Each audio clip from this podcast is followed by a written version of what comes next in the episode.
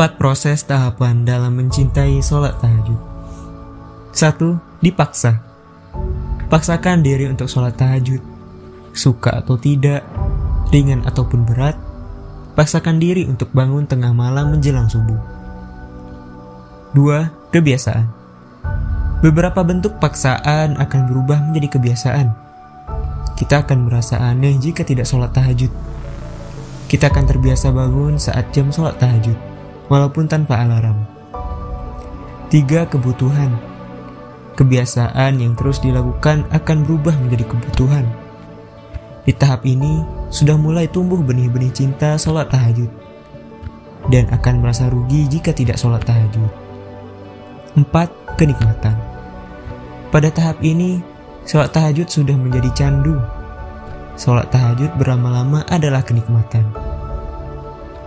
Sedangkan ketika terlewat, untuk tidak sholat tahajud akan membuat diri ini resah.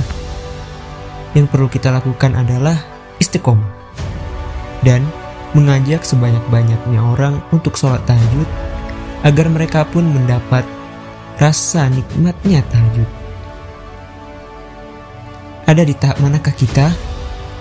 Rasulullah SAW bersabda, Sesungguhnya di malam hari terdapat waktu tertentu yang bila seorang muslim memohon kepada Allah dari kebaikan dunia dan akhirat pada waktu itu, maka Allah pasti akan memberikan kepadanya.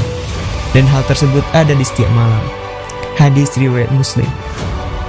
Pada waktu inilah hati seorang muslim lebih lembut dan lebih mudah kembali kepada Allah serta akan ditingkatkan keimanannya.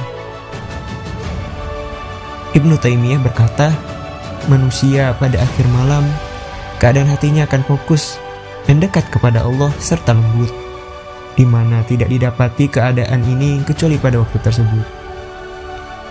Wallahu a'lam bishawab.